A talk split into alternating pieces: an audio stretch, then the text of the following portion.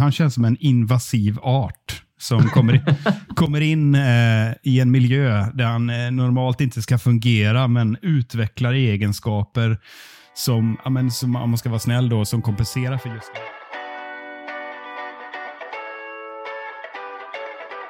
Can Manchester United score? They always score.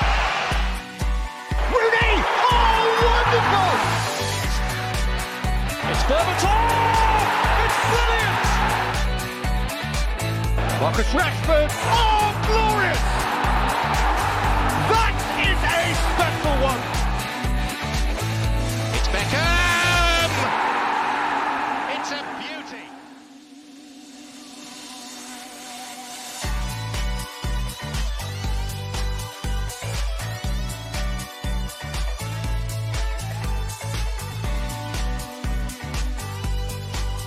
God morgon, förmiddag eller kväll när du än lyssnar ska du känna dig ruskigt välkommen till ett nytt avsnitt av United-podden.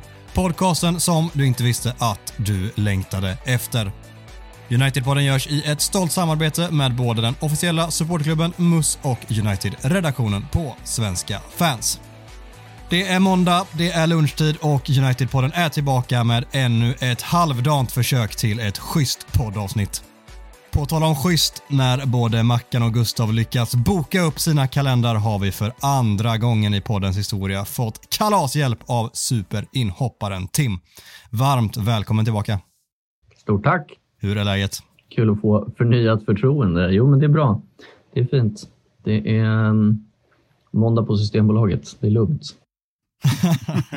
Sitter du i, eh, i lunchrummet, skickat iväg alla kollegor och säger här ska jag podda idag. Sitter på chefskontoret. Det kändes lite bättre att uh, ockupera det. Ja, vilka privilegier du har.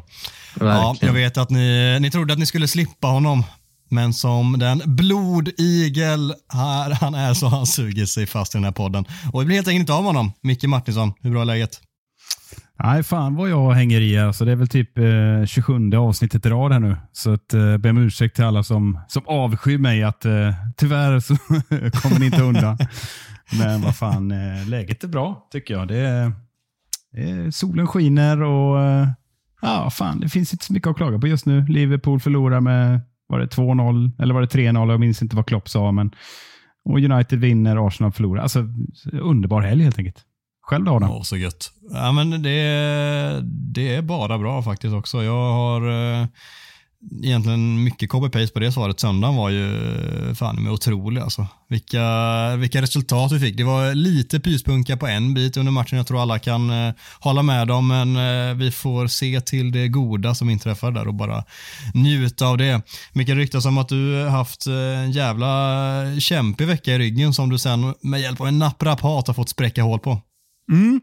Ja, men det är ju så när man kommer upp i silveråldern som en, en ni eh, bägge kommer att få erfara så småningom. Här, så, så blir kroppen allt mer trasig och behöver lagas konstant. Så det, det, var ingen, det var ingen eh, härlig vecka, men eh, jag är som en ny människa nu efter ett eh, naprapatbesök. Eh, kan rekommendera alla, även om ni inte har bekymmer. Gå till naprapat så löser sig de flesta eh, problemen. Är det ett vedertaget begrepp? Silveråldern? Ja. Okay. När, när började den? Det kommer från eh, gamla fina Nile City. Mm -hmm. Det låter så här. När man kommer upp i silveråldern och dricker alldeles för, för många folköl framför tvn, ja då vet man att, eh, ja, att man är gammal. Det är Mick Tålbot, det gamla lakritstrollet, om ni inte känner till honom. Googla. ja men Tim, det är ett jävla lyster kring Micke plötsligt. Vad är fan som händer? Verkligen. Det är märkligt. När man får leva sig in i en karaktär, när man får försvinna från sitt eget miserabla liv, då, då skiner den upp ännu mer. Svar ja, svar ja. ja, vi ska inte vänta alldeles för länge här. Jag vet att eh, Tim ska ut på golvet så snart igen, så vi får väl börja prata lite fotboll helt enkelt. Härligt. United har städat av Nottingham enkelt och tagit sig till en ligacupfinal. Vi ska inte stanna vid den här matchen särskilt länge idag, men Tim, hur mycket ser du fram emot en cupfinal med United igen? Väldigt mycket. Och framförallt att få möta det här Newcastle. Det känns som ett lag som man bara alltid vill slå. Liksom. Det är också skönt att höra alla liksom, ja, men det är bara så här, det spelar ingen roll om man kommer till en final, det handlar bara om att vinna dem. Och det är ju så det är. Liksom. Så det är gött att den mentaliteten verkar eh, spridas mer och mer det, eh, det ska bli kul att vinna finalen, det ska inte bli kul att spela det känns ju som att eh, alltså Newcastle, det finns ju ett extra lager där nu när man möter dem som inte har funnits tidigare. Det finns en historia mellan klubbarna med Newcastle och det finns eh, liksom alltid grejen att du vill vinna finalen, men när det är Newcastle och det är detta Newcastle, då, eh, alltså jag vägrar ju förlora den finalen. Man vill inte ja, ge verkligen. det ägarskapet, den här liksom starten på eran som de vill bygga upp här nu. Det vill vi ju bara pissa på dem och visa att störst är alltid störst och det spelar ingen roll hur mycket pengar ni kommer in med. Ja men verkligen. Och jag tycker, liksom, jag tycker typ deras spelartrupp verkar, alltså, speglar mycket av det. Om man bortser från liksom, svensk kopplingen. Alltså, det är inte en jättesympatisk grupp med människor. Alltså. Joel Linton nej. och äh, Longstaff-grabbarna. Det är, ja, nej, det, det är bara att slå. Av alla skäl. Man undrar ju om, om det går att bygga upp den här rivaliteten. Visst var det Kevin Keegan som blev riktigt arg på Sir Alex där och gick på eh, mm. Sir Alex trash talk. Ser ni det framför er att Eddie Howe kan bli riktigt arg när, när Ten Hag bara börjar kasta ut de här jävla provokationerna en vecka innan match? Jag önskar det, men jag tror verkligen inte det. Eddie Howe känns uh, tyvärr lite för laid back och, uh, och lugn. Men vi, alltså, alla har väl sina triggerpunkter också. Om Ten Hag bara vet vilka knappar han ska trycka på så kanske exploderar där också. Ja, han känns väldigt eh, lugn, ja, tyvärr. Mm. Ja, det, det vill vi inte som ska vara. Det ska vara någon brusig jävla sydamerikan som bara står och gormar. Det hade vi ju mycket hellre velat ha, men så blir det inte. Men eh, nog om detta. Vi har ju en final att prata om så småningom lite mer ingående. Istället vänder vi blickarna mot en minst sagt händelserik 2-1-seger mot Crystal Palace. Och för att kickstarta snacket i vanlig ordning tar vi givetvis hjälp av veckans bajs, Micke. Veckans bajsmicke. Det känns ju som att eh, det är en permanent programpunkt som eh, ah, oavsett om Mackan är med eller inte så känns det som att eh, vi borde korrigera nu så att, så att det, det blir en bestående punkt. Eller vad säger du? Jag får lämna in en motion till detta. Får göra det. Nej, men vi ska skrida till verket här och eh, jag skulle väl säga så här utan att avslöja för mycket innan, innan jag kör igång att eh, det är lite samma situation som förra gången jag körde den här. att jag tycker generellt sett, rent spelmässigt, finns det inte jättemycket att klaga på alltså från in, insatserna och sådär. Men jag har ändå gjort en, en eh, näst bäst bäst och måste höja sig. Lite modifierad variant som ni säkerligen förstår, men vi börjar ändå med näst bäst tycker jag. Och då, mm, eh, då skulle jag vilja ta fasta på en tweet som eh, Tim retweetade angående den spelaren som jag valt här. för att du får korrigera mig om jag säger fel här, men det var något i stil med att eh, den här spelaren är topp tre i världen när matcherna är totalt kaos. Och Det tycker jag faktiskt att jag håller med till 100%. Fred, han är helt ofattbar så fort det är ni vet den här gamla leken Hela havet stormar. Alltså han, han måste ju vara... han, han är bäst i världen på Hela havet stormar till och med. Det tror jag. Men, men eh, om man översätter det till fotboll så, så var väl egentligen det, det han, eh, han anpassar sig till ett kaos och eh, gör på nytt en helt otrolig insats tycker jag. På sitt sätt. Mm, vad säger du om hans insats, eh, Tim, du som eh, vurmar för den sägningen? Ja, nej, det, var, det, det var till och med spetsat med att topp tre i världen, död eller levande. Alltså, och, och det, ja, men jag, tycker, jag tycker, ja, verkligen, jag tycker det är briljant. Han, eh, det är som att så fort han behöver tänka mindre och bara liksom få springa och pressa precis där han vill och har någon som, som håller fast bredvid honom. Då, han mår så jävla bra av det på den vänster. Ja, nej, han var livsviktig framförallt där efter, efter um, utvisningen. Mm, mm. Ja, jag vill höra vem du säger som är bäst först. Jag vet inte om jag tycker att han är näst bäst i laget, men verkligen en bra insats av Fred. Ja, jag tyckte det var, var ganska jämnt och många om budet, men eh, för mig så sticker eh, en spelare ut. och det är också en spelare som jag uppfattar har lite motsvarande kompetens som Fred har, nämligen att anpassa sig till eh, skärseld och helvete och allt vad nu en vill. Eh, för där står han ju längst bak slaktan. Och eh, är inte alls lika solid och jämn som Varan är. Men, men i sådana här matcher så känns det som att Martinez sätt och med sin aggressivitet och sin eh, kämpaglöd får liksom med sig hela laget i det som krävs. Då, den här den här eh, ja, vidriga 27, 27 minuters avslutningen med 10 man. Eh, så jag, jag, jag, väljer Martinez mest för att han förkroppsligar den kämpaglöd som jag tycker laget eh, verkligen visar upp och som Ten Hag också hyllar. Visst, det är en liten klyscha att säga det för att man går ner eh, en man och så, och så och lyckas man hålla undan. Men jag tyckte faktiskt det, det var en bra, bra insats och Martinez får min medalj därmed. Guldmedalj. Där, där är jag helt med dig. Där, eh, där har du träffat rätt Micke, kul att höra. Han, eh, han är ju på riktigt alltså, den spelaren som kanske är allra viktigast för de sista 27 minuterna. Den som jag eh, inte tror eller är helt övertygad att vi inte hade klarat oss utan. Då hade vi tappat poäng den här matchen. Han har ju både en och ett par eh, helt avgörande brytningar där han täcker skott eller kastar sig framför i sista stund. Och sättet som han bara manar på och har sånt jävla självförtroende och pondus i att vi reder ut detta. Och utan det på planen när Casemiro är borta som annars står för det kanske allra tydligast, då är, eh, då är Lisandro Martinez helt avgörande. Så eh, helt, helt rätt att han får prisas som matchens bästa spelare. Inga invändningar där Tim?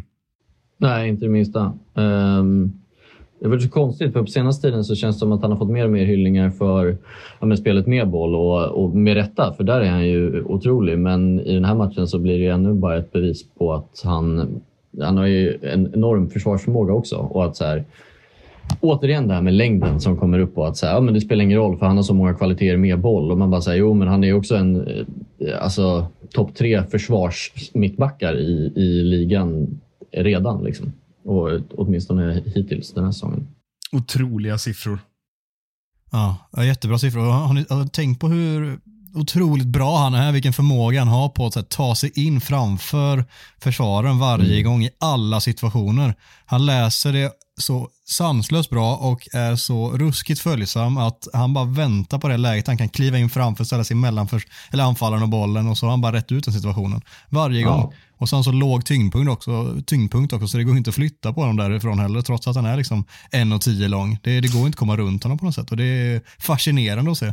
Det känns som att han är utan eh, övrig jämförelse. Jag hittar ingen bra referens här, men han känns som en invasiv art som kommer in, kommer in eh, i en miljö där han eh, normalt inte ska fungera, men utvecklar egenskaper som, ja, men, som, om man ska vara snäll, då, som kompenserar för just längden. och eh, Han är inte rysligt snabb heller, men, men en enorm placeringssäkerhet och alltså aggressiviteten väldigt mycket och, och, och, väldigt smart. Så, så har han ju lärt sig att eh, vara lite, lite bättre än de andra spelarna på just de, de eh, de detaljerna, vilket gör att han kan dominera den här typen av matcher.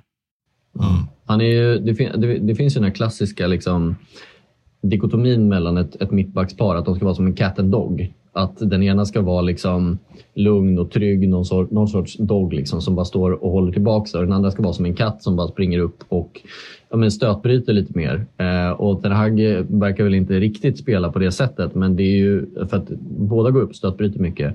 Men om det är någon som är den, den kattiga av dem eh, så är det ju Licha som liksom, han är, med tanke på hur ofta han stötbryter så är det sjukt hur få gånger han faktiskt går bort sig.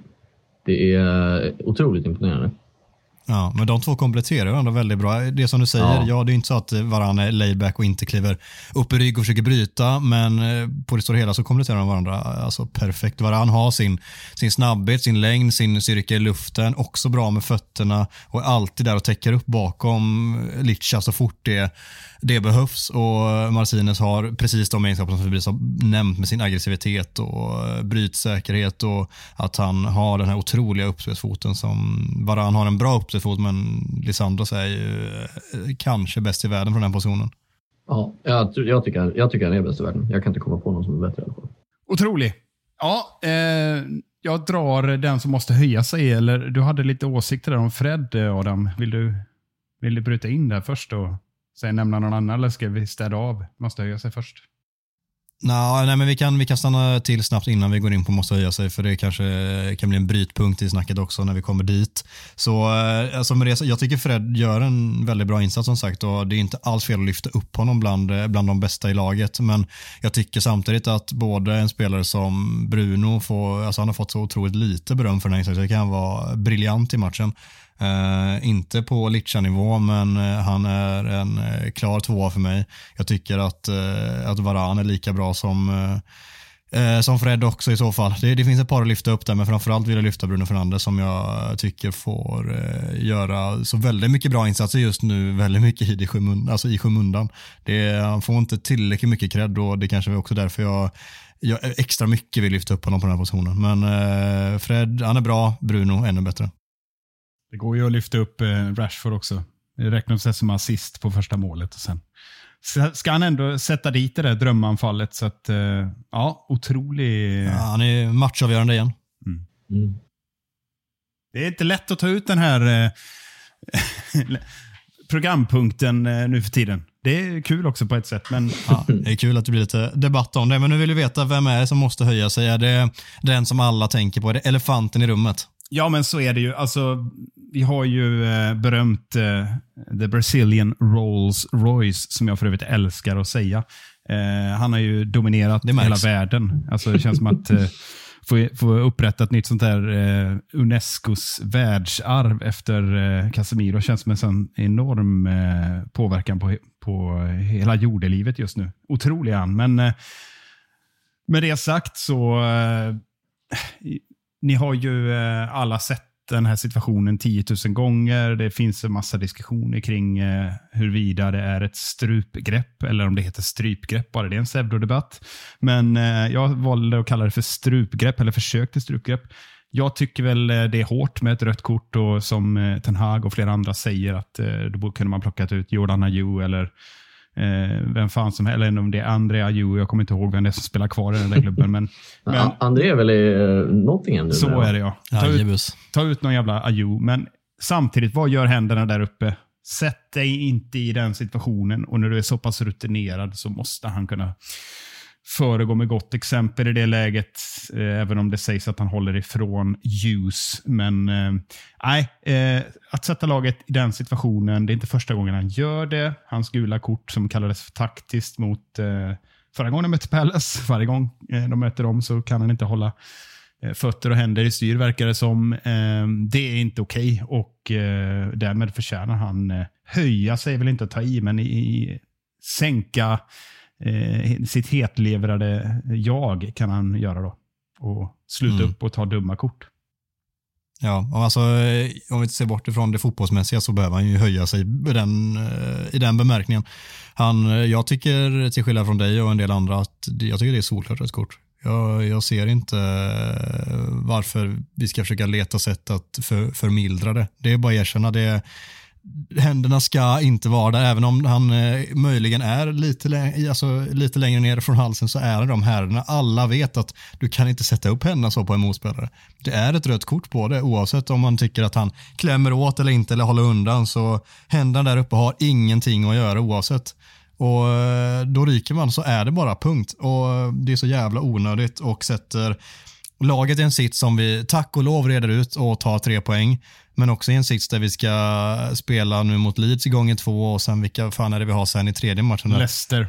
Leicester ja. Det är matcher som vi absolut ska kunna vinna utan honom men med tanke på också att vi alla är så otroligt eniga om hans vikt för det här laget, hur otroligt betydelsefull han är, så tror jag att det kommer bli lite för kännbart för oss tyvärr. Och det, är, det är bara att skaka på huvudet och frustreras över det att han sätter laget i den situationen samtidigt som vi också kan bara vara tacksam att vi har honom, liksom, att, vi ens, att vi ens får känna så här från början. Det, det är väl tvåeggat så sätt, men eh, tveklöst jättedumt av honom och såklart att han ska höja sig. Mm. Jag är fan inte riktigt med på det här alltså. Alltså jag är med på, det är klart att det är rött och det är jättedumt. Men jag tycker också att man kan välja glädjen på ett sätt i det här. I att så här, det, det, finns ju en anledning till att han går dit. Jag tror liksom inte att det där hade blivit en grej för eh, sex sju månader sedan. Utan att det, det kommer från att han verkligen vill stå upp för framförallt för Anthony. Liksom. Och det tycker jag. Det tror jag att han tycker är jätteviktigt att få känna det liksom, stödet från laget. Även om han inte har varit exakt så bra som man kanske har hoppats. Eh, men också att hela laget är där och liksom stöttar varann. Och att man eh, reagerar så pass starkt. Jag tycker, jag tycker att det finns något fint i det och jag tycker att så här, Casemiro kan ju inte spela på kortet att jag är en av de viktigaste spelarna i laget. Liksom. Jag måste hålla mig lugn för att de behöver mig. Så tror jag liksom inte, det, det, det tror jag är, alltså, det blir så jävla presumptuous på den hela vänster om man ska gå runt och tänka så när det är någon så här stor scrap. Men jag tror att så här, de långsiktiga den långsiktiga betydelsen av det här är mycket större än att man förlorar Casemiro i tre matcher. Jag, jag stöttar det på något sätt. Bara för att vara lite ja, där, är jag, där är jag verkligen, verkligen med dig. Jag, men han har också kunnat skita plocka upp nävarna runt eh, halsen ja, på en motspelare i samma grej. Jag är helt med att han ska stå upp, att han, att han är först dit och liksom trycker till och markerar att han inte som lagspelare går med på att hans eh, lagkamrat behandlas på det sättet. Det tycker jag är jättebra och jag älskar att se liksom, hur de står upp för varandra. Det är ett jävla lag plötsligt som det inte har funnits på väldigt, väldigt lång tid.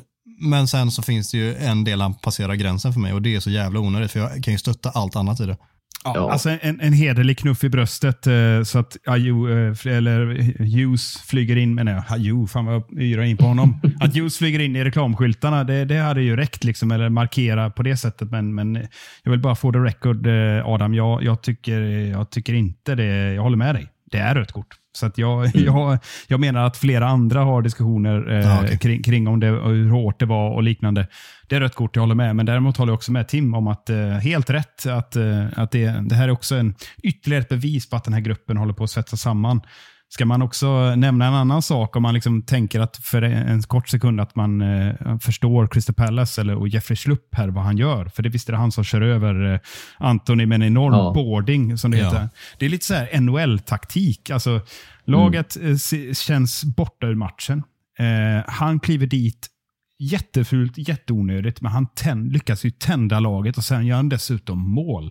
Alltså, jag, jag, jag säger ja, inte att... Och få bort, bort eller motståndarlagets bästa spelare i samma situation. Det är ju fan jackpot för honom. Ja, alltså. Vilken utdelning han får. Jag försvarar inte det här beteendet. Jag säger inte att så ska vi göra när det nej, ser lite mörkt ut, men man kan ändå gilla den, vad ska man säga, det lite old school, att uh, nu kliver vi in och, och kör över någon och, liksom, och får en effekt på det. Sen var det tur att inte de fick effekten att de kvitterade då, men det var, jag noterade ändå att, eh, och att Patrik Vera liksom sluter upp bakom och liksom på motsvarande sätt försöker liksom hålla ihop sitt lag och, och liksom kalla det här för rättsligt, eh, att man behöver ta, vid, ta det här vidare och polisanmäla eller vad fan de yrar om. Liksom. Det, det är ändå lite, lite kittlande med lite, vad ska man säga, ja. lite beefs här var. Det var väl eh, Gabriel Agmon Lahore, den otroliga experten. Vad fan gör han i någon form av studie? Alltså? Men det var han som tyckte att Casemiro borde bli arresterad. Så. Så här, ja, nej, hans, hans horn i sidan till United är ganska men det är ju väldigt, det är otroligt bra liksom profilerat också från Palace för att Anthony behöver ju slipa bort det där. Han är ju otroligt hetlevrad. Det är ju flera lag som har försökt liksom sätta honom ur balans på det sättet. Eh, så att det, är, det kanske är han som ska mm. höja sig i så fall.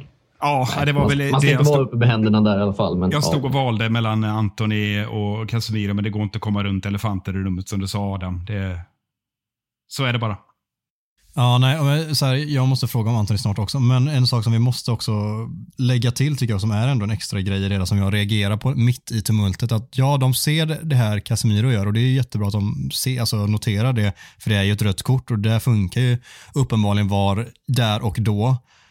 Men samtidigt när jag ser det så tänker jag att det sker så jävla mycket bakom. Egentligen så titta på allt då om ni ska singla ut saker. För det har ju florerat en hel del klipp på, jag tror det är Ayo som mm. riktar en smocka mot ja. vem fan det nu Fred. är. Ja. Fred där, ja, oh, är det Fred också? Nej, då jävlar. Nej, men allvarligt talat, det, det är ju, vi ser ju det i sitt klipp efteråt att ja, ju delar ut en smocka, men det Bomma var i den situationen, det blir så jävla märkligt och det är det vet jag att Ten Hag var inne på efteråt. Det sker så jäkla mycket där att det, han tyckte det var orättvist att det bara är Casemiro som straffas där och då och det, det kan jag köpa mer än att man försöker få det till att Casemiro inte ska vara utvisad. Att det snarare då kan ha funnits fler som borde blivit utvisade. Det, där är jag helt med. Mm. Ja, verkligen. Med det sagt, du nämnde Antoni där. Vad, vad var det du tänkte kring honom? Vad, tycker du att han var någon som började höja sig i matchen? Nej, det är lite det jag menar. Eh, lynnet och sådär. Att han, att han eh, jag tycker att det är lite så som eh, Richarlison. Eh, han har lite samma kroppsspråk, ständigt vansinnig och liksom, det är alltid nära en konfrontation och lite ofokuserad. Sen, sen brukar man ju säga att den där typen av spelare ska vara lite arga och ska spela på sin aggressivitet och behöver kanske det. Men det är möjligt att jag inte vant mig riktigt med hans eh, kroppsspråk och hans liksom, han ser ju vansinnig ut när han misslyckas med sin egen insats. Och eh, det jag tycker han behöver höja är lite kanske det här fokus att eh, laget kommer först och sen kommer jag. Det har jag varit på lite grann innan. Jag tycker att eh, för Antonis egen utveckling så tror jag att han behöver sluta fokusera på att han måste lyckas med varenda skott, passning och liknande. Och istället försöka bidra mer till laget. Det är mer det jag är ute efter, en inställningsfråga. Lite old school att tycka det, jag vet. I det här individuella samhället vi lever i, där alla ska skina. Men eh, det är det jag petar lite på. Han är ju bättre i spelet, men eh, lite för egocentriskt tycker jag. Mm, alltså just i spelet tycker jag att han, eller jag är rätt övertygad om att det är därför han får spela så mycket, för att han tycker att han funkar så bra in i laget och att det är den biten som, som gör att han får fortsatt starta varje, varje match trots att det har varit perioder där han kanske inte borde göra det rent baserat på prestationer. Eh, men jag håller med dig, han behöver höja sig, eller snarare inte höja sig, men lära sig att hantera sina aggressioner och sin, eh, sitt eh, sätt det sen också får eh, ge sig till sken på. Liksom. Det, det behöver man såklart eh, träna på och bli bättre på. Men jag vänder mig samtidigt mot, jag har sett folk liksom på Twitter som svingar mot Anton och säger att det är hans fel att Casemiro blir utvisad för att han inte kan tygla sig själv. Det är så här, återigen det som vi pratade om i förra avsnittet, att vi, alltså United-supportrar, precis som alla andra supportrar, har hackkycklingar. Och det blir så jävla tydligt där när Casemiro blir utvisad och folk skriker att det är Antonis fel för att han inte kan hantera sina känslor. ja. Nej. För, för det kunde ju bevisligen Casemiro göra. Liksom. Ja, men, det, det är ja, men det hade ju aldrig hänt om Anton inte hanterar sina känslor. Alltså det blir liksom det. Ja, jo, men det hade heller aldrig hänt om Bruno inte missar passningen i situationen innan. Det, det blir så jävla Nej. märkligt argument en jävla märklig argumentation och det, det går inte att, att hålla på så. Liksom. Nej, alla det, får ett ansvar för sitt och, och det, att någon sen går över gränsen är ju dens fel, inte att någon annan innan gjorde något jävligt dumt. Jag vill understryka att jag menar inte att den situationen det vet har, inte du gjorde. har inget att göra med att han ska höja sig, utan vad fan ska han göra? Han blir brutalt nedtacklad ja. och kan skadas svårt med tanke på Eh, hur, hur eh, gräsmattan kontra sluttningen där är ju fan livsfarlig. Det, det, är en annan diskussion. Få slänga upp lite kuddrum där. Det kanske inbjuder till mer tacklingar då. Jag vet inte. Ja. Kanske. Ja, nej, jag ville bara markera mot det också. Det, det blir också jävligt fel bara att liksom lägga det på Antoni på något sätt. Det, det är Casemiro som får stå för sina handlingar där och det kommer kosta oss kortsiktigt. Men lite som du är inne på Timmy, jag tror att, det, alltså att laget sluter upp på det sättet, det, det är någonting som kommer styrka ja. oss eh, på det stora hela. Och det är liksom, det är ju Alltså, det uppmärksammas ju på ett helt annat sätt när det blir en sån här situation. Liksom. Det är väl det jag framförallt menar. Mm. Vi ska inte prata jättemycket om matchen, det känns som att vi har sagt det som egentligen är viktigt. Men det är bra, vi håller ut, vi tar tre poäng. Vi eh, får ett jävla gött 1-0 mål till skänks när Will User och eh, liksom slänger med armen upp i himlen. Riktigt skönt gjort. Bruno passar ju knappt in en styrfart på den straffen. Och sen eh, tycker jag det enda vi ska säga också är 2-0 målet är ju otroligt vackert. Det, ja, det, är, det är ett mål vi inte hade gjort för åtta månader sedan. Är det 17 Aldrig passningar någonsin. från inkastet va?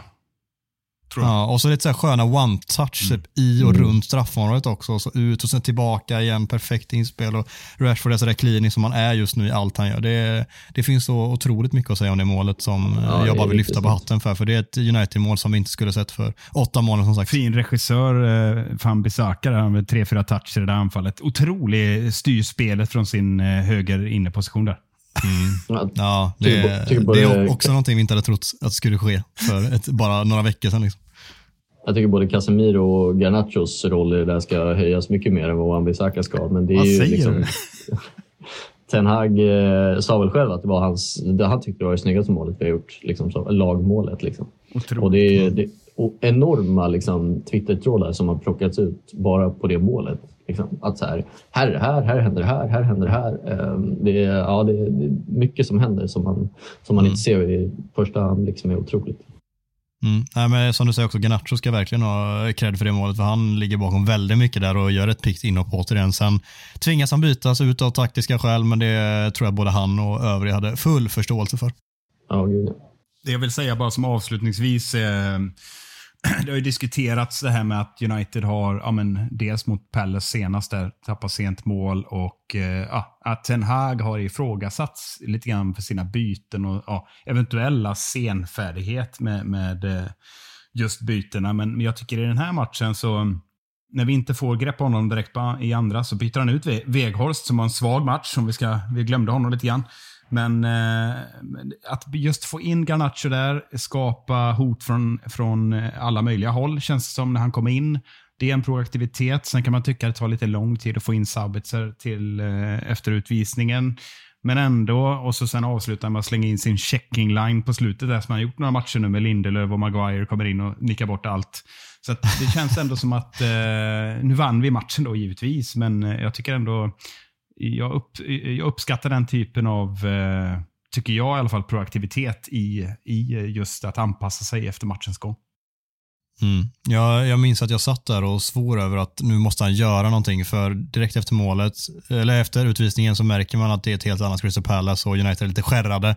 Eh, det kommer ett mål och sen tar det några minuter innan han gör de här viktiga liksom, justeringarna. Uh, och De minuterna satt jag och svor, men sen så kommer de och så reder det ut sig och han har ju såklart 10 000 gånger bättre koll än vad jag själv har. Men ni vet hur man är där som expert framför soffan, mm. frustreras över nu måste någonting göras det är ju liksom inte en situation som man är beredd på ska hända direkt. Så jag tror inte att Sabitzer var direkt superuppvärmd. Och ska man då slänga in en spelare rakt från ingenstans som dessutom kanske inte är uppvärmd och ska han då liksom skada sig. Alltså, det, är, det är ganska naturligt att det bytet tar lite längre Verkligen. tid än vad man kanske hade velat. Liksom. Verkligen. Och på tal om Sabitzer, det är ju en perfekt övergång här nu till eh, nästa del av podden, vårt kära Talk of the Town.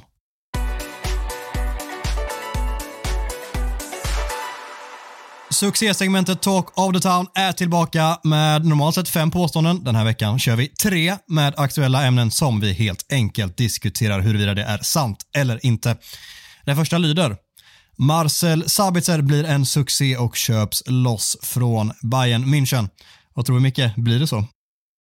Mm. Ja, det är klart som fan att det här är ett tillspetsat påstående efter 16 minuter på planen, eller vad det nu blev till slut. Men man får ju gå lite grann på sin eh, tidigare eh, känsla av Sabitzer. Jag har alltid gillat honom. Eh, jag blev väldigt positivt överraskad när han i brådrasket blev klar, klar här. Jag tycker det var bra agerat av klubben. Att eh, Det var inte så att de bara slog upp telefonkatalogen, gula sidorna och sökte efter Eriksens ersättare. Utan såklart hade man ju span på, på, på den här spelaren naturligtvis. Men eh, det finns ju egentligen alla ingredienser för att han ska passa i ett Ten Hag-lag så som jag ser det. Eh, det har figurerat diverse liksom sammanställningar och trådar kring det här. Men vad jag har sett så tycker jag att det är en, en Eriksen med bättre pressspel och möjligtvis såklart lite sämre eh, fot. Eh, men likväl ett kanonskott finns ju där.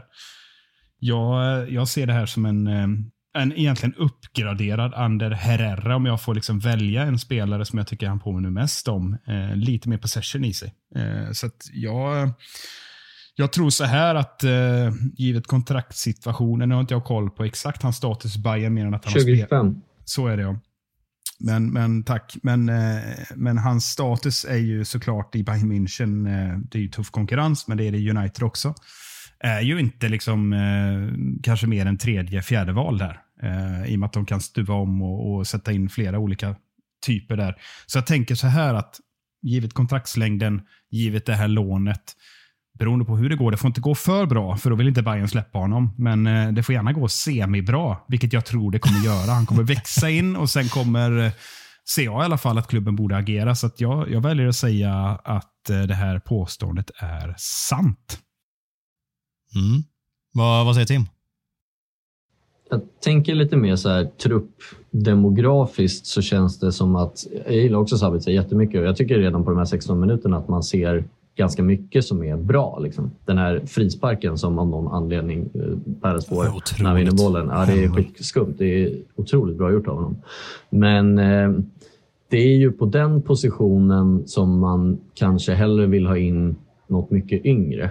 Um, för att det är ju liksom i Casemiro-rollen som det skulle kunna finnas en, en tydlig backup.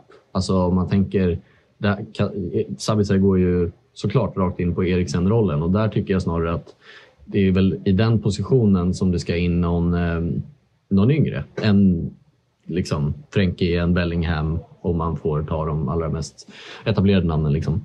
Men och, och, då är det så här, okej, okay, ska vi ta in Sabitzer och skjuta på den positionen precis som man har gjort med anfallare flera gånger?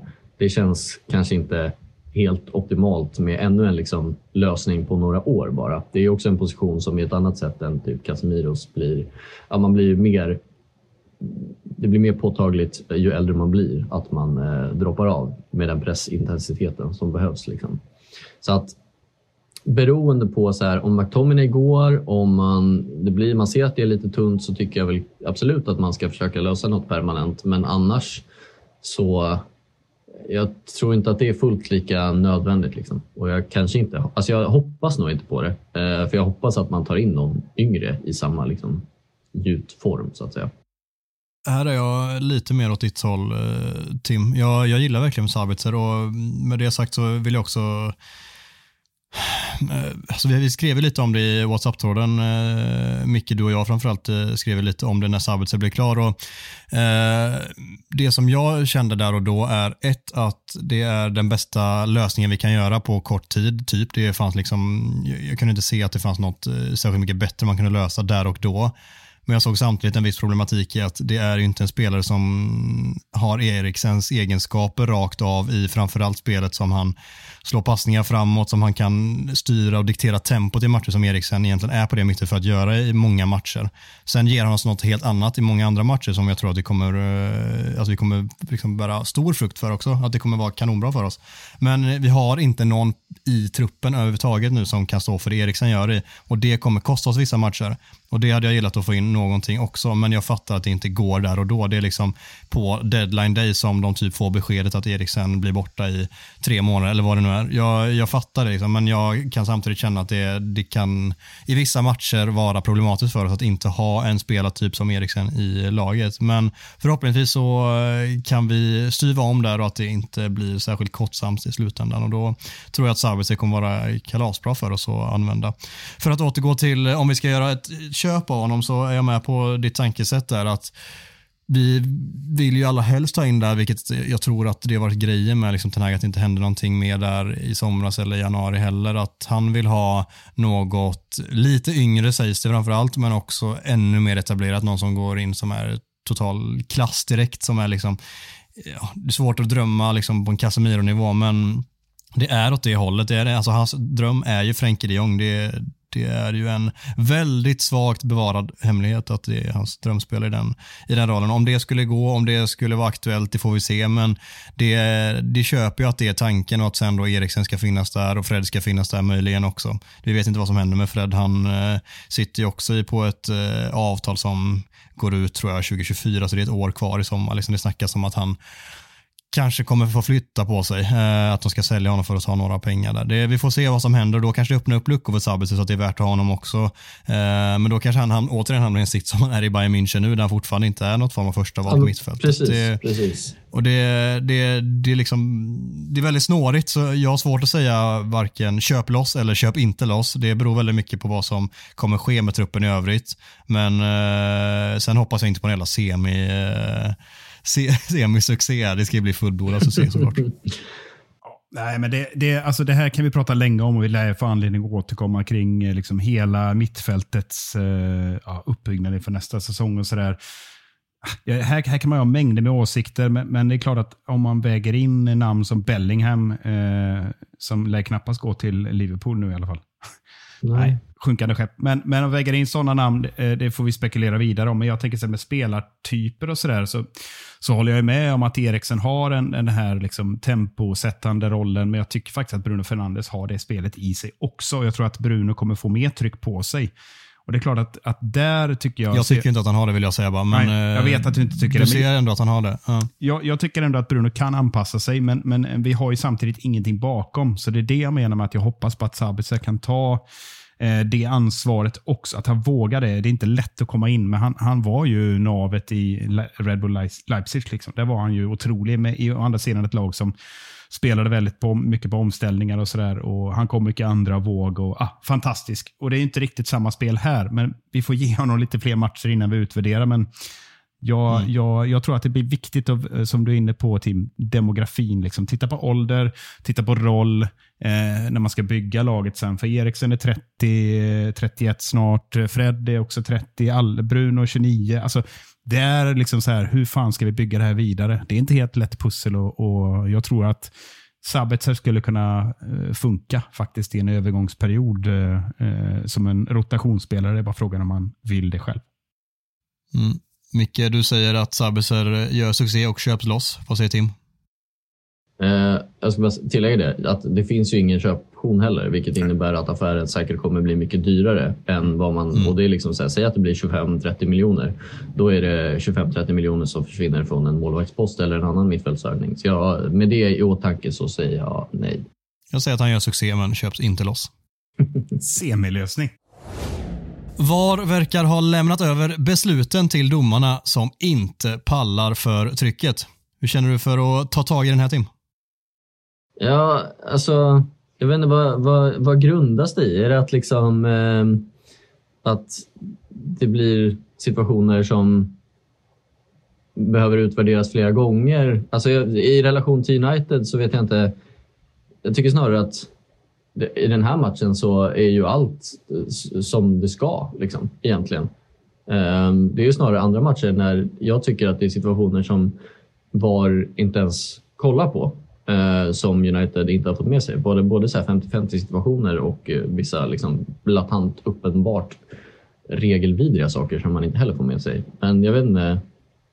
Jag, jag är så jävla dåligt insatt i det här. Jag, eftersom, att inte, eftersom att ingen verkar fatta det så ser jag inte varför man ska eh, gräva sig in i hur det funkar. För det funkar ju liksom inte som det ska i alla fall.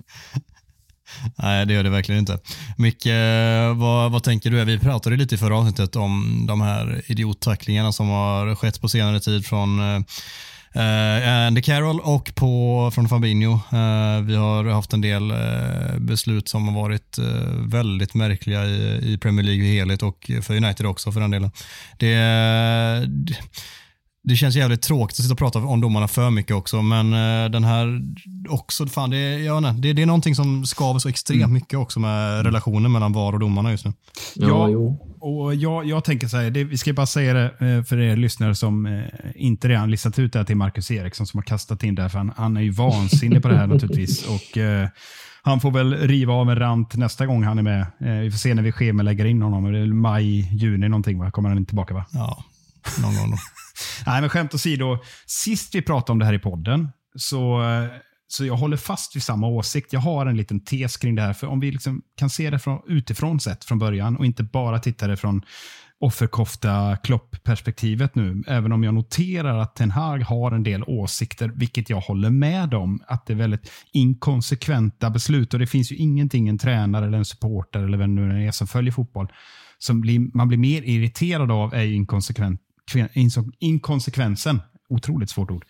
Eh, och Hockeyn brukar prata mycket om det här. Vi ska inte fastna där, men där jag står så tänker jag så här att utifrån sett så upplever i alla fall jag att domarkåren i Premier League är mitt uppe i en slags generationsväxling. Det är en hel del nya namn som har kommit in som man får lära sig. Eh, de gamla har de pensionerat. Det är bra, det måste göras. Men det kan vara en sån där klassisk liksom, manöver att det tog lite för lång tid. Man höll kvar i de här gamla farbröderna lite, lite för länge. Eh, utan att jag har koll på åldersnivåerna eh, eh, och de här. Ja, ni vet. Eh, men det känslan är i alla fall att, att eh, det kom många nya på en gång. Och sen parallellt har vi det här med VAR som är när det kom kändes det som, i alla fall uppfattar jag att det var liksom en helt ny övermakt som kom in och skulle ta alla beslut och eh, över domarnas huvud flera gånger minns man ju första säsongen med det här att vad fan är det frågan om? Nu sa någon att det var rött kort på Mitrovic eh, plötsligt fast domaren inte hade sett det. Ja, ni vet, det var massa konstiga grejer. Och Lägger du på att det är nya eh, domare med högt tryck på sig, världens bästa liga med enormt tryck från fans, klubbar, media, att jag tror personligen inte att domarna är sämre än i Serie A eller La Liga eller någon annanstans. Det tror jag faktiskt inte. Men de har en väldigt svår liga att bemästra. Så det är inte konstigt att, att de liksom hamnar i fokus. Sen när man då lägger på VAR så upplever jag att det händer någonting efter VM. Det brukar alltid vara efter VM så händer det någonting. Man gör om, man utvärderar. Då har de ju varit öppna för i och för sig att säga att VAR är en pågående liksom, man försöker anpassa det till den moderna fotbollen. Så min känsla är att det jag har sett, mycket runt United men även runt andra matcher, är att, att domaren ska in och ta beslut. Det är väldigt mycket springa ut till skärm. Det är väldigt mycket att domaren har tagit beslut och står det fast. Om vi tar bort offside och, och såna här saker. Det är bra att det finns. Men, men just runt situationer. Så, eh, och då blir det lite godtyckligt och inkonsekvent. Och De här tacklingarna vi pratade om, Eh, tacklingen på Eriksen till exempel. Och även här i matchen som vi sa nyss om, om det här eh, mot Pelles med att man bara tar Casemiro, vilket är rätt. Men ja, så min känsla är att, att det här kommer att ta en tid till innan, dels innan de här nya romarna blir varma i kläderna och när man nu hittar den här eh, samspelet mellan VAR, rummet och romarna. Det vet jag fan när de hittar det, men det kommer att ta tid tror jag. Ta tid om det, om det är en, alltså känslan är att det gör alltså, någonsin, kommer det någonsin klaffa tillräckligt? Det, det kanske det gör.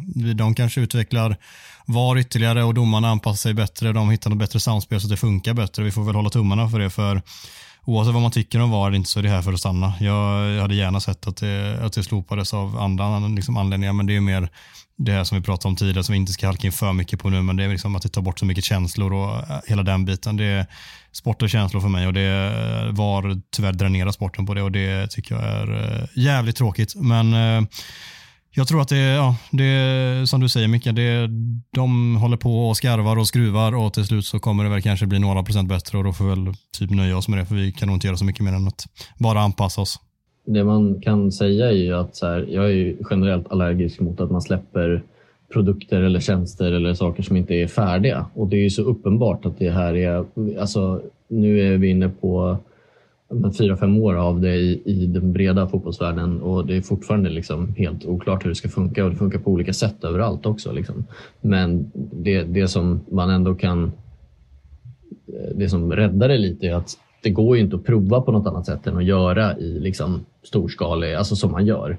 Ehm, det är ju liksom det är ju tävlingsmomentet som gör att det blir knepigare. Eh, och att det är verkliga människor som är domare fortfarande som ter sig olika överallt. Alltså det, går ju liksom, det är klart att det tar tid att, att implementera en sån här grej på rätt sätt och det är på något sätt positivt att de fortsätter vrida och vända på det för att hitta rätt balans. Men eh, ja, frågan är ju hur, hur bra slutprodukten egentligen blir. Liksom. Mason Greenwoods nedlagda åtal innebär att han kommer tillbaka i träning med United igen och det är väl ingenting som någon har missat egentligen men eh, för lite kort, kort kontext så har ju åtalet då lagts ner efter att ett nyckelvittne valt att eh, dra sig ur. Och eh, det sätter United i en sits nu där alla undrar vad kommer klubben göra? De gick ut med ett statement där de meddelar att de kommer göra en intern eh, utredning till att börja med och att Mason Greenwood inte kommer tillåtas delta i någon träning innan den är färdig och sen vad som sker efter det återstår att se. Micke, jag tänker att du ska få börja här och dela ut dina tankar till lyssnarna och oss deltagare i podden? Ja, alltså man måste börja med att säga såklart att det här är ju det är ett väldigt, väldigt känsligt ämne och vi har ju berört det flera gånger i podden, men med viss liksom, eh, vi har varit ganska avvaktande i väntan på just vad som kommer att hända. Eh, det är klart att jag noterar också att när nyheten dimper ner så blir det väldigt mycket känslor. Eh, det sprutar ut liksom eh, eh, känslor på alla håll och kanter. Eh, och Jag vill understryka först här, för, för jag har en liten annan vinkel på det här. Jag väljer en annan vinkel och då får folk gärna hata mig för det. Men eh, jag vill understryka att jag förstår att folk har de här känslorna och det är naturligt, naturligtvis upp till var och en hur man vill förhålla sig till det här. Så är det ju. Min egen moraliska kompass är glasklar. Jag eh, vet precis var jag, jag står i, i sådana här typer av frågor. Jag fördömer liksom allt eh, våld mot kvinnor, allt våld överhuvudtaget. Men om man ska vara krass här, vilket är tufft att vara, så är det lite grann som att vara emot krig. Vem är för våld mot kvinnor? liksom? Det, det finns ju ingen, möjligtvis Andrew Tate kanske, men, men eh, det behöver knappt sägas, men jag har sagt det ändå och det är ingen gardering för att jag, jag ska friskriva med det jag säger nu. Men med det sagt så väljer jag trots allt att lägga mina känslor åt sidan för jag försöker betrakta den här situationen utifrån. Och då finns det ju eh, två stycken eh, perspektiv jag tycker man måste ha. Dels det juridiska utfallet och dels Uniteds kommunikativa utmaning. Och Det juridiska utfallet eh, kommer lite som en överraskning att, eh, att det först skulle ta så oerhört lång tid innan rättegången skulle komma på plats. Eh, utan att kunna det brittiska rättssystemet så kändes det märkligt. Mycket att göra tydligen, stökigt där. Men eh, ser man eh, rent krasst, det jag har läst mig till i alla fall, så, eh, så är ju åtalet nedlagt. Det vill säga att eh, åklagaren har inte funnit bevisen tillräckligt starka för att gå vidare. Och Det har man ju säkert inte bara liksom chansat och dragit ur en hatt, utan det här är ju naturligtvis vänt och vridet på. Sen vad som ligger bakom, ska inte jag spekulera i varför nyckelvittnet, då, a.k.a. målsägande, kliver av. Eh, det har inte jag kompetens att, att liksom, eh, kommentera ens. Men jag noterar bara det. Och eh, ur den aspekten så är ju eh, Mason Greenwood friare i, lagens, friare i lagens mening. Men såklart att eh, det är en helt annan femma när det gäller hur United ska, ska liksom hantera det här, givet mediala trycket. Och eh, Det jag tänker är att det finns nog egentligen bara två utfall. Eh, det som kommer hända här nu. United köper sig tid. Eh, de har ju naturligtvis tänkt på scenarier innan, så de börjar inte tänka nu. Den här utredningen har ju säkert pågått, alltså den interna sådan. Men jag tänker att eh, det mest naturliga och mest troliga är ju att, att eh, man tar bort det här, eh, det här problemet från eh, truppen som är, är, väldigt trygg nu efter eh, Ronaldos uttåg. att då så addera ett problem och förstöra harmonin som finns tror jag inte man väljer. Eh, det är liksom mitt huvudspår och jag tror allas huvudspår. Men jag väljer att se det på utan känslor. Tittar man på det andra möjliga, det är ju att eh, man försöker, eh, försöker liksom rentvå Greenwood, stå bakom honom, gå ut och liksom, driva någon form av kampanj kring hur, sin värdegrund. det är ett enormt arbete som jag tror de skulle behöva påbörja ändå. Inte bara ha plakatpolitik, vi är emot rasism och vi är emot det. Och så känns det som att man inte riktigt bottnar i det. Många klubbar skulle behöva titta på det. Eller att man liksom då går hela vägen, att Green, Camp Greenwood går liksom eh, be, och gör avbön på något sätt och man försöker liksom därmed vinna tillbaka liksom, eh, supporternas eh, liksom, förståelse för att man väljer att jobba vidare med Greenwood. Jag tror att det är osannolikt att det blir så, men eh, möjligheten finns att de kan välja den vägen. Lite långt och krångligt svar, men eh, vad tycker jag då? Nej, jag tycker väl att United bör kapa av det här problemet. Eh, men, eh, men samtidigt så tycker jag inte att det är rätt att en, en folkmobb eller en, en, eh, någon form av eh, social media-domstol ska bestämma om man är skyldig eller inte. Det tycker jag är fel. Tim, eh, du som inte har pratat om, eller pratade ni om detta i podden senast? Ja, vi nämnde faktiskt det. Ni pratade ja, om Greenwood senast. Ja. Det, jag, tar, jag tar på mig det. Det är mitt fel att det kommer ut nu. ja, det, någon visste att du skulle vara med på den här veckan Verkligen. och då släppte de nyheten precis innan. Nej, mm. men skämt åsido, vad, hur ser du på detta och vad, vad såg du jämfört med Micke? Nej, alltså i, i, jag köper ju egentligen det Micke säger, men um, det, alltså, det är ju på ett sätt snårigt men på ett annat sätt så är det också så här, det är så himla mycket bakomliggande grejer. Alltså, i Storbritannien framförallt så det har ju kommit upp jättemycket statistik och sånt nu och det är ju alltså en ännu mindre andel ehm, um, sådana här typer av brott som fälls i, i eh, Storbritannien än vad det är här och i Sverige och inte ens här är det speciellt många. Liksom. Så att det är att det, hela den här innocent till proven guilty-grejen som har snurrat så mycket nu, det, det går, det, jag tycker inte det kan appliceras på ett sånt här brott på samma sätt. Uh, jag tycker det är jätteviktigt att man inte ska dömas av sociala medier och så, men det är så himla knepigt brott så att jag, jag ser egentligen ingen anledning till att man skulle... Jag har så otroligt svårt och, och förstå hur man rättfärdigar det här internt. Um, ja, det är liksom... Det enda som skulle vara rimligt är typ så här, ja men det är en kille som har varit i klubben sedan han var pytteliten. Eh, varför ska inte vi stå bakom honom när det är jobbigt för honom? Men det är också så här, han har ju försatt sig i den här situationen helt och hållet själv. Eh, jag tycker inte att det heller rättfärdigar det som de ljud, framförallt de ljudfilerna som släpptes som ju är supertydliga. Liksom. Så att fast, jag, fast är ja. de det? Alltså allvarligt talat, här, här blir ja, det lite så här... det är klart att de kan redigeras och så, men jag vet inte. Alltså, jag ser ingen... Det är klart att man kan... Det kom ju verkligen från ingenstans när det kom. Eh, jag svårt att se att man ska, det är också det här, då får man ju gå till vad man står i, i människofrågan och på något sätt så eh, tycker jag ändå att... Litar det, du inte, finns, på domstol... inte... Litar inte på domstolarna? Eller på rättsväsendet ska sägas. Det är ju inte gått i domstolen. Problemet där tycker jag också är att så här, det, Ja, det, det, är klart att självklart så är i grund och botten så ska inte det, alltså folkmassan ska inte gå över rättsväsendet. Det, det går ju inte att ha det på något annat sätt. Det, det, så vi kan inte ha folk som springer runt och dömer folk och så får det extrema konsekvenser under det kors och tvärs. Men jag tycker det här fallet är så extremt jävla snårigt och eh, har så mycket andra lager så att det, det går också att samtidigt ha eh, ska man säga, att du, alltså du kan, jag, jag personligen tycker att det är lättare här att ta avstånd från det hela trots att han då i detta fallet inte frias i grund och botten. Det är ett åtal som läggs ner, men ja, han blir ju fria på grund av det. Men i grund och botten så, så här, alltså, åklagare ansåg sig ha tillräckligt med bevisbörda för att fälla honom, men när mm. nyckelvittnet dras ur så har, har åklagaren inte det och pang, hej då, då läggs allting ner.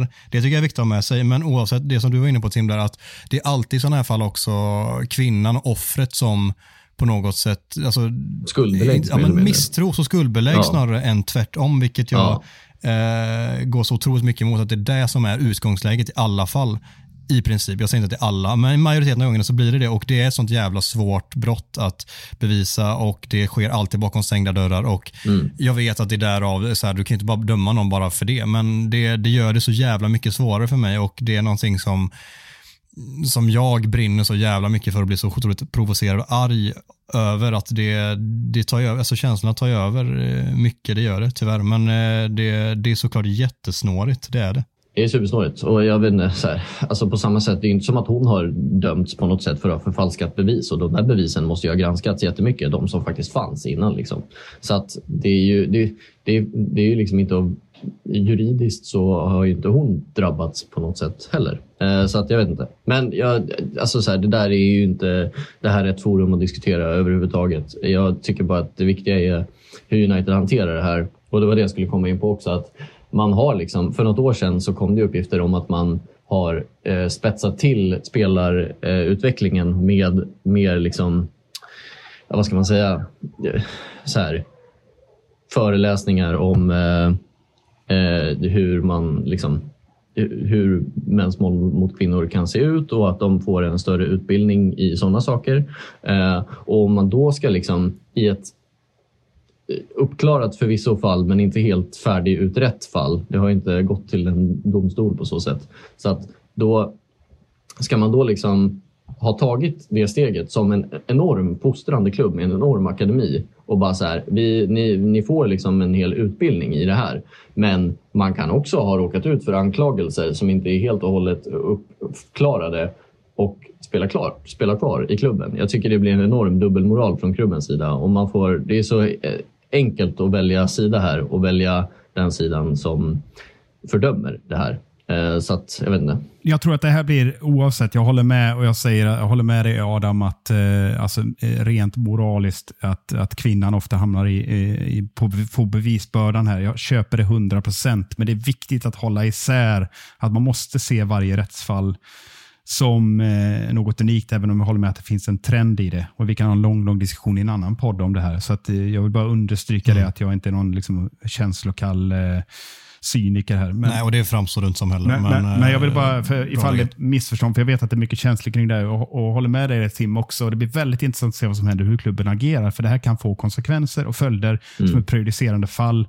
Eh, hur man väljer mm. att, att eh, faktiskt eh, hantera den här typen av mediala stormar. För oavsett om inte han fick ett ett, ett uh, juridiskt straff så har han ju redan fått ett straff i, i, uh, mm. i den meningen att han förmodligen, tror jag, aldrig kommer att uh, bli riktigt accepterad i, den här delen av världen. Nej, tänk vilket otroligt statement det hade varit om klubben sätter ner liksom foten och bryter kontraktet med Mason Green på grund av detta. Det, hade, det är som du säger, det var ett prioriterande fall för det, det har aldrig hänt innan och det hade varit uppfriskande på så många sätt och vis, särskilt i en klubb som United där det finns väldigt mycket tidigare problematik i en Cristiano Ronaldo, i en Ryan Giggs. Det finns mycket grejer där som klubben har tagit sina stjärnor och liksom hållit dem om ryggen och eh, det har många gånger gjort mig och många andra illa till mod. Så jag tycker att så här, det, det på något sätt hade varit jävligt uppfriskande att se klubben bara göra ett sånt otroligt statement som hade gett eko, inte bara i fotbollsvärlden utan i världen. Verkligen. Och eh, så här, jag vet inte om de har hållit dem om ryggen per se. De har gjort det implicit genom att liksom låta dem vara kvar i klubben och så. Men det har varit mycket att man har suppat sådana här grejer under mattan och det kan man inte göra nu. Så att oavsett hur de väljer att göra så blir det ju ett prejudikat på något sätt. Eh, och det hade varit så jävla gött om vi kunde vara den klubben som tar ett första steg mot en, en bättre fotbollsvärld för alla. Liksom. Eh, så att det juridiska har jag så himla dålig koll på generellt, men det liksom följderna som det här kan få om man hanterar det på ett bra sätt är ju eh, enorma. Och det hade varit jäkligt fint att se det. Och däremot så å andra sidan så om de väljer att ta in honom så tycker jag att då kommer de, liksom, då kommer de inte heller kunna smita undan Eh, då kommer det krävas någon typ av förklaring från de breda massorna. Liksom. Och med, med viss rätt. Liksom. Eh, och det tycker jag eh, också kan bli intressant att följa, även om jag inte hoppas på det scenariot. Så det, ja, det ska bli... Om man bortser från allt det hemska som det här föranleder, så, eller som har föranlett detta, så, så ska det bli intressant att se hur, hur United och i förlängningen fotbollsvärlden hanterar det här. Mm, jätteintressant. Och jag, innan vi går vidare så vill jag bara säga att jag tycker att klubben har skött detta så egentligen snyggt de kan fram till idag. Vi får se vad de gör framöver, men jag kan inte se att de har gjort någonting eh, annorlunda som har varit bättre i den här situationen. De har hållit sig lugna, varit tydliga i sin kommunikation. Vi kommer titta på detta nu. Det kommer följa nya statement senare, men eh, det är detta som sker just nu och det har varit så lätt för andra klubbar och för United tidigare att bara som du säger sopa det under mattan och inte kommentera, inte göra någonting. Men de ger i alla fall någon form av uppdatering. De eh, väljer att meddela det och sen så får vi se vad beslutet blir och det är det som ska bli extremt intressant att se.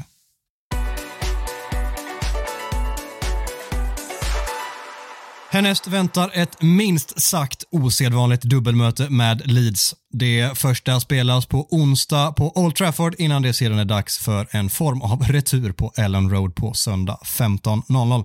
Och vad passar då bättre än en rejäl motståndarkoll signerad Micke Martinsson? Mm, ja, men det här känns eh, lite extra faktiskt att, eh, att det blir ett dubbelmöte. Nästan lite historisk eh, känsla i det. Och på tal om historik så vet ju alla redan att det här är ett riktigt hatmöte, även om eh, de lite yngre United-supportrarna inte fått uppleva det av kända skäl, eftersom Leeds har huserat eh, i de lite lägre serierna ett tag. Eh, det är ju rosornas krig, de vita mot de röda och man kan väl säga så här att det är inte jättemycket matcher att referera till i modern tid mot Leeds. Sex matcher totalt, eh, varav fyra i Premier League sen Leeds kom tillbaka.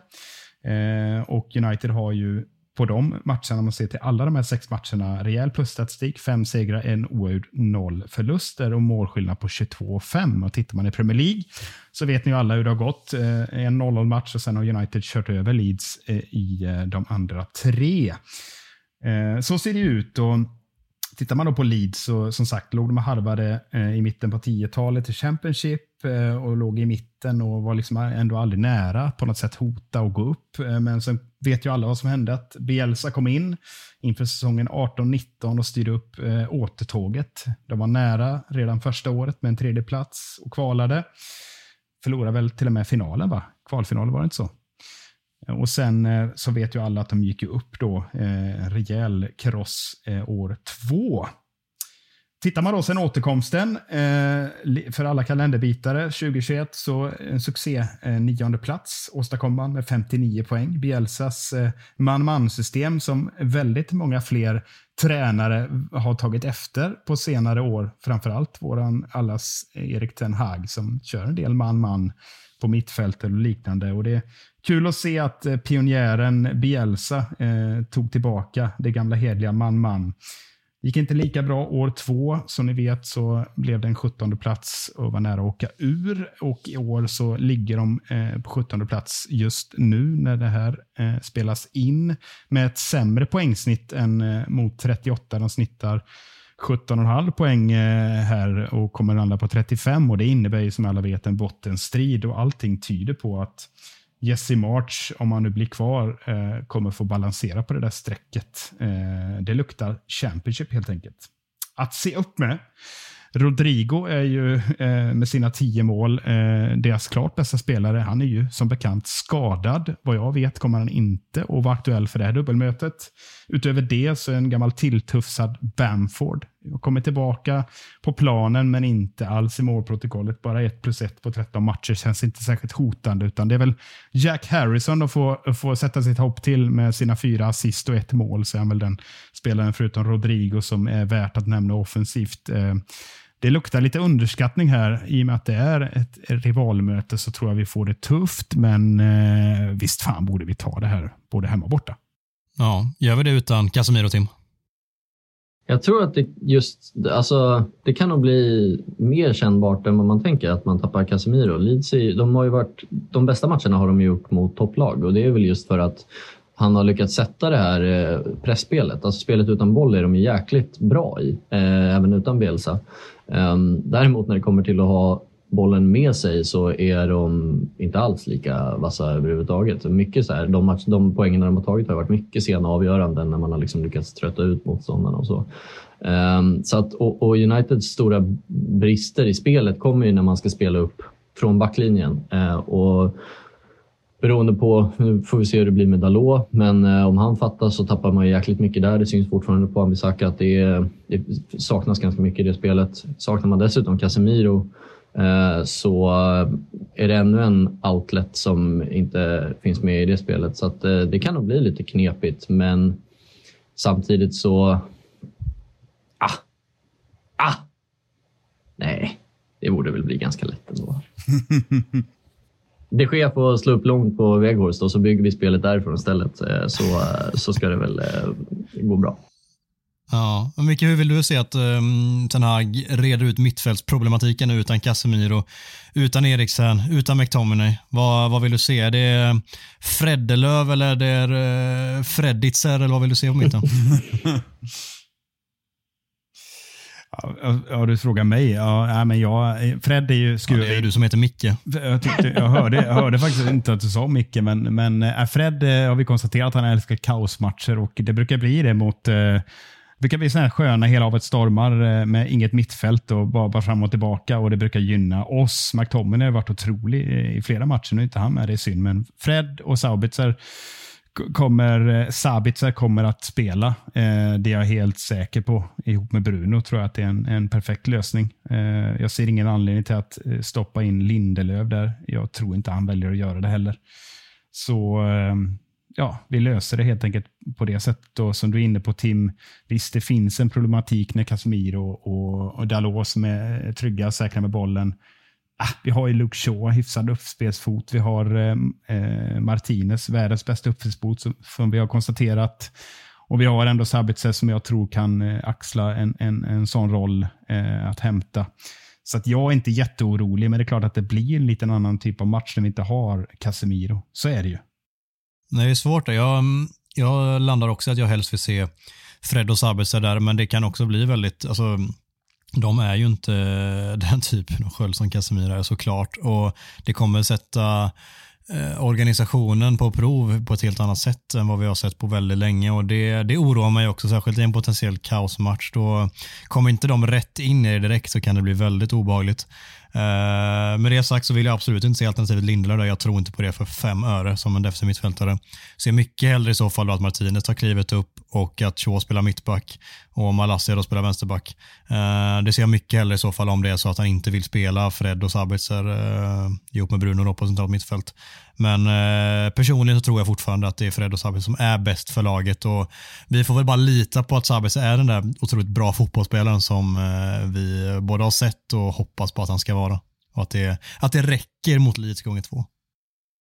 Det ska bli jäkligt intressant att följa liksom, generellt och framförallt eftersom att det är back-to-back-matcher nu. Att så här, hur man hanterar... Um, de, de lär ju, de borde i alla fall för att Sabitzer utgår ju också oftast från vänster, vilket innebär att det, blir, det lär bli Fred då, som spelar till höger.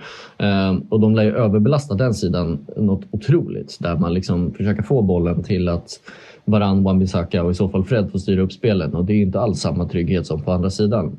Um, och se hur man hanterar det även i matcherna. Eh, och framförallt då, för jag tror också att det lär bli Fred och Savitzer med all rätt som startar, men hur man då väljer att eh, justera det till andra mötet om det skulle bli att man får problem med det i första. Det, ska, det finns mycket mm. taktiskt spännande grejer att plocka från de här två matcherna. Det ska, bli, det ska bli Men förhoppningsvis eh, är Dalot tillbaka, han var på bänken senast. Någon av matcherna bör han kunna starta de här två i alla fall. Ja, det, det. det, tror jag kommer göra, göra gott för oss. Gärna att han kan starta direkt. Det, hade varit eh, väldigt skönt att få in just nu. Och sen fick vi inte se Sancho tillbaka i Premier League senast av förklarliga skäl med tanke på den kaosmatchen. Jag är väldigt nyfiken på att se vad han kan tillföra nu när han kommer tillbaka. Eh, och i vilken roll också. Det var intressant att se att han kom in som en offensiv mittfältare och Bruno flyttade upp på kanten i Nottingham-mötet. Det är någonting som han pratar om efteråt, att han ser att han ska kunna fylla en roll både som, som tio och på kanten Sancho. Det, det finns mycket intressant att, att titta efter här. Blir det Weghorst igen? Är Martial tillbaka som för evigt verkar spela typ en match? Det är det enda vi kan säga med säkerhet, att han startar inte båda matcherna.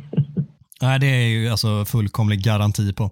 Så ja, men det finns så jäkla mycket intressant att se. Jag är inte säker på att Weghorst eh, startar eh, på onsdag. Jag tror att det kan bli en annan variant där med kanske till och med en Rashford, Sancho, Anthony. Det är inte omöjligt. Garnacho förtjänar också minuter. Det är inte otänkbart att han kan få, få chansen i sån match. Det, det blir jätteintressant att se. Det, det blir det i alla fall. Tim, vad eh, vinner United med bara de här två matcherna som att du kom fram till att det blir så till slut? Mm, vill du ha enskilda resultat eller någon form av sammanvägt? Det vill jag så jävla gärna.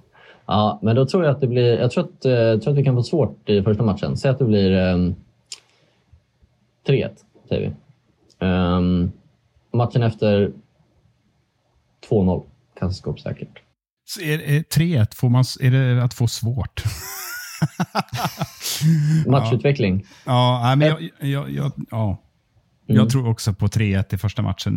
Det känns som att eh, vi bör reda ut det med, med vår eh, eh shoot power offensivt. Eh, Rashford känns ju glödhet nu. Han gör ju två mål. Så är det bara. Däremot tror jag andra matchen eh, kan bli tuff eh, för United. det, jag tror det luktar kryss på söndag. 1-1 säger jag då. Jag säger 3-0 och jag tror fan också det blir tufft. Alltså. Det blir 1-1 blir det på söndag. Det blir också. Fan, det är tydligt var, var Erik Ten Hags eh, taktiska förtroende är hos er. Det, ni tror snarare att det blir jobbigt i den andra matchen. Alltså. Jag tror ju att han läser sönder dem och lyckas hitta någon lösning för att hitta det. Men ja, ja spännande. Vi får se. Vi får se. Ja, Ellen Road blir eh, obehagligt på söndag, tror jag. Med det sagt så eh, litar jag helt på att du har betydligt bättre koll än oss Tim, att det blir två stycken raka segrar. Det vore ju mumma såklart. Micke, tack för att du var med oss. Tim, stort tack för att du ställde upp och ryckte in när det behövdes. Och eh, som alltid riktar vi givetvis vårt största tack till er kära lyssnare. Tack för att ni lyssnar, tack för att ni skickar in frågor och eh, med det sagt följ oss jättegärna på sociala medier så hörs vi igen nästa vecka. Ta hand om er. Bye.